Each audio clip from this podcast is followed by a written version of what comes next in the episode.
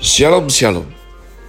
Selamat hari Kamis 25 November 2021 Kembali jumpa bersama saya Pendeta Kaleb Hofer Bintor dalam anugerahnya. Penuh sukacita sampaikan pesan Tuhan melalui Grace Words yakni suatu program renungan harian yang disusun dengan disiplin kami doakan dengan setia supaya makin dalam kita beroleh pengertian mengenai iman, pengharapan, dan kasih yang terkandung dalam Kristus Yesus. Sungguh merupakan kerinduan saya bagi saudara sekalian, agar supaya kasih dan kuasa firman Tuhan setiap hari tidak pernah berhenti menjamah hati, menggarap pola pikir dan paling terutama kehidupan kita boleh sungguh berubah menuju Christ likeness. Masih dalam season winter dengan tema multiply, Grace Word hari ini saya berikan judul pengakuan iman rasuli bagian ke-71. Pengakuan iman rasuli bagian ke-71 saya rindu untuk mengajak jangan pernah bosan ataupun jemu. Syukur-syukur justru malah hafal. Mari kita sekali lagi, lagi dan lagi membaca warisan iman Kristen daripada para rasul Kristus secara langsung, yakni pengakuan iman rasuli.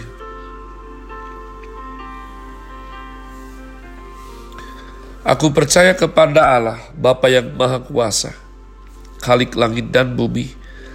Aku percaya kepada Yesus Kristus, anaknya yang tunggal Tuhan kita, yang dikandung dari roh kudus, lahir dari anak darah Maria, yang menderita sengsara di bawah pemerintahan Pontius Pilatus, disalibkan, mati dan dikuburkan, turun dalam kerajaan maut. Pada hari yang ketiga bangkit pula dari antara orang mati, naik ke sorga duduk di sebelah kanan Allah Bapa yang Maha Kuasa.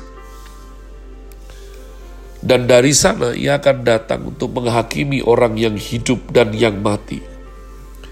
Aku percaya kepada Roh Kudus, gereja yang kudus dan am, persekutuan orang kudus, pengampunan dosa, kebangkitan orang mati, dan hidup yang kekal. Amen.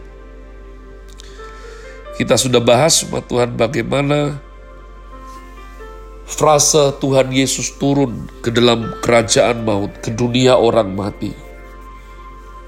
Menurut urutan waktu, Dikatakan Tuhan Yesus disalibkan, mati, dikuburkan, dan turun ke dalam kerajaan maut. Tuhan Yesus turun ke dalam kerajaan maut setelah ia menghembuskan nafas terakhir, menyerahkan nyawanya kepada Allah. Ya Bapa, ke dalam tanganmu kuserahkan nyawaku, lalu ia mati. Setelah itu baru ia pergi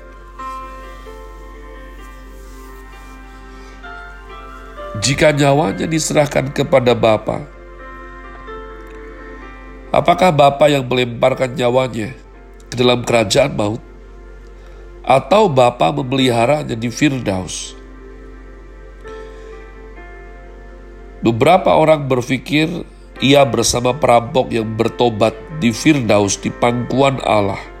Berarti Tuhan memelihara dia. Tapi mungkinkah Allah memakai dia, menggantikan kita, menyuruhnya turun ke dalam kerajaan maut sebagai pengganti agar kita tidak pergi? Pada saat orang kaya dan Lazarus mati, orang kaya itu ingat siapa Lazarus dan tahu kondisinya. Walau dalam api penyiksaan, ia masih sadar. Oleh karenanya ia berkata, Bapak Abraham kasihanilah aku Suruhlah Lazarus agar mencelupkan jarinya ke air dan menyejukkan lidahku, sebab aku sangat kesakitan dalam nyala api ini. Ini satu-satunya penjelasan tentang sesudah mati manusia ke mana. Yesus mengerti segala sesuatu karena ia adalah Allah, Sang Pencipta. Ia memberitahukan bahwa setelah mati ia akan pergi bukan ke satu tempat, tetapi ke satu tempat yang terdiri dari dua bagian. Satu bagian disiksa dan terus menderita bagi mereka yang berbuat jahat, tidak beriman, kepada Tuhan. Dan setiap kali ada kesempatan berdo berdosa terus. Tetapi satu bagian lagi namanya pangkuan Bapak Abraham. Ke mana kaum beriman pergi? Yaitu kaum beriman di perjanjian lama. Yang memilih hidup suci, bajik adil, dan penuh kasih. Maka kita harus melihat adanya dua tempat, yaitu tempat berapi dan tempat di mana ada pangkuan Bapak Abraham. Tidak ada pengajaran tentang dua tempat ini secara jelas dalam perjanjian baru.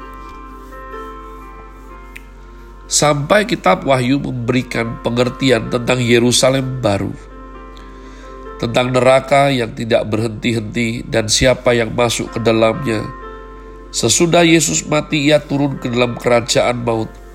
Langkah ini berarti tindakan sesudah ia mati dan dikuburkan Pemikiran ini telah menjadi konsep ajaran Katolik di dalam menjelaskan seluruh Alkitab, yaitu Tuhan Yesus masuk ke tempat di mana Lazarus pergi. Tuhan Yesus turun ke dalam kerajaan maut. Ia tidak masuk ke tempat orang kaya pergi, karena orang kaya diberitahu Abraham, di antara kami dan engkau terbentang jurang yang tak terseberangi, agar mereka yang mau pergi dari sini kepadamu, ataupun mereka yang mau datang dari situ kepada kami tidak dapat menyeberang.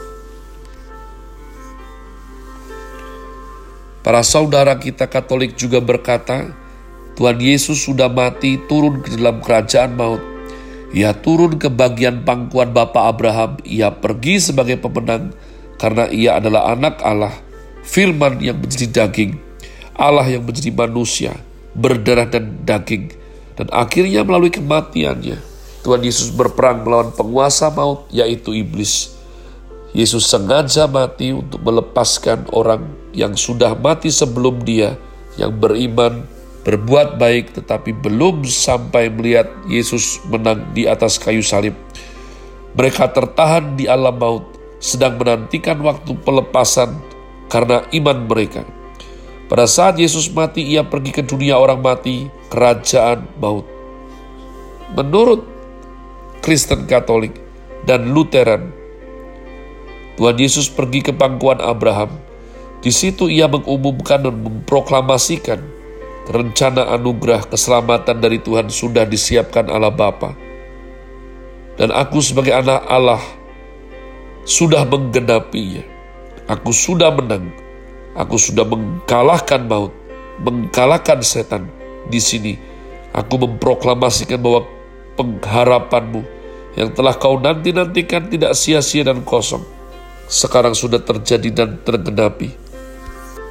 Karena itu sekarang aku memberikan keselamatan kepada kalian semua yang mati di perjanjian lama. Kristen Katolik dan Kristen Lutheran percaya bahwa di dalam kerajaan maut ada sebagian orang diselamatkan. Tetapi Tuhan Yesus belum datang. Mereka telah menantikan selama ratusan bahkan ribuan tahun. Ketika Tuhan Yesus datang, mereka baru sadar apa yang kupercayai itu benar. Apa yang kuharapkan dari Kristus telah digenapi. Kristus Tuhanku telah menang, menaklukkan kuasa setan. Maka mereka berterima kasih dan berseru haleluya Sedangkan yang mati tidak beriman, berbuat jahat, tidak mengenal dan berharap kepada nama Tuhan Yesus Kristus akan berada dalam api selamanya. Nah, di sini terjadi titik pemisahan umat Tuhan. Ketika Luther, Martin Luther membongkar dan merubuhkan kesalahan pendahulunya, maka Calvin, John Calvin membangun kembali struktur iman kepercayaan di dalam masa reformasi. Memang John Calvin ini dikaruniakan Tuhan pemikiran yang tajam sekali. Maka pemikiran Kristen Katolik, Kristen Lutheran berbeda di poin ini dengan pemikiran John Calvin. Calvin berkata frase turun ke dalam kerajaan maut bukan kata kerja, tetapi kata sifat. Jadi Tuhan Yesus turun bukan secara geografis, bukan secara geografis, tetapi beliau merendahkan diri. Inilah artinya turun. Sebagaimana beliau turun dari sorga ke bumi, ia turun dari derajat Allah, sang pencipta, menjadi dicipta, menjadi manusia, serupa dengan ciptaan yang tidak tampak menyatakan diri secara kasat mata. Sang pencipta langit dan bumi masuk dalam dunia ciptaannya, turun ke dunia sebagai manusia yang tidak punya hak asasi, direndahkan, diremehkan, diejek, diumpat, difitnah, diadili, dipaku di atas kayu salib. Turun. Inilah arti kata turun. Jadi bukan secara geografis, tapi secara kata sifat. Kristus merendahkan diri menjadi manusia yang paling hina di dunia. Bahkan sampai naik ke atas kayu salib. Hukuman paling hina dan menderita. Ini semuanya patut kita pelajari. Buah pemikiran daripada para Rasul Kristus dan para bapak gereja yang kita percaya diolah, dipergumulkan, direnungkan sungguh-sungguh melalui terang firman dan roh kudus. Have a nice day. Tuhan Yesus memberkati saudara sekalian. Sola Gracia.